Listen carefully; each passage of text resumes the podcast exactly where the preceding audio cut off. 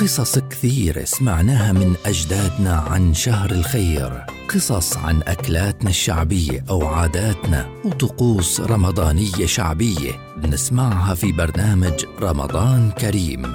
رمضان كريم برنامج رمضاني يصحبنا فيه الحكوات حمز العقرباوي خلال شهر رمضان في مثل هذا الموعد عبر أجيال.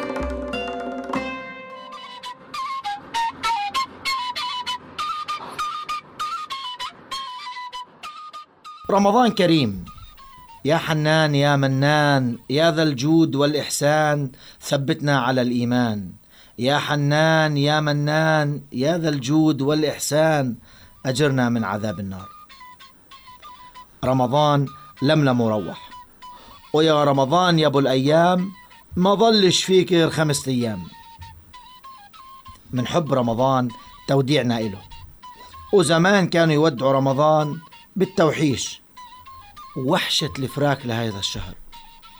وبنسمع الختيارية هم يغنوا ويقولوا لا أوحش الله منك يا رمضان لا أوحش الله منك يا شهر القرآن لا أوحش الله منك يا شهر الصيام لا أوحش الله منك يا شهر القيام لا أوحش الله منك يا شهر الكرم والجود لا أوحش الله منك يا شهر الولائم لا أوحش الله منك يا شهر العزائم.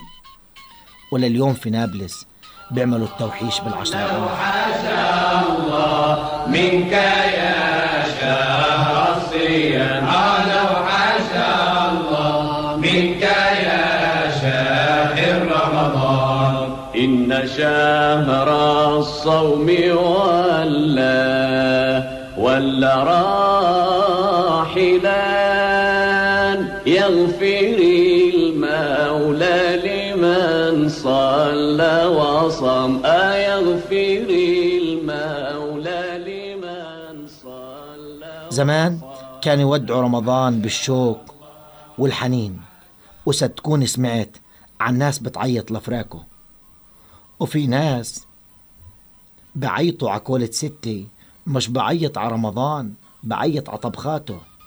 على كل كل واحد ونيته.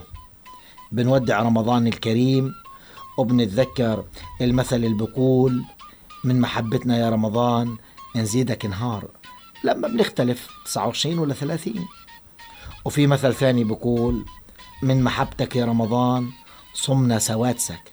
ستة من شوال. وفي الأخير رمضان روح ياك شيل اللي ما صامه. ورمضان كريم.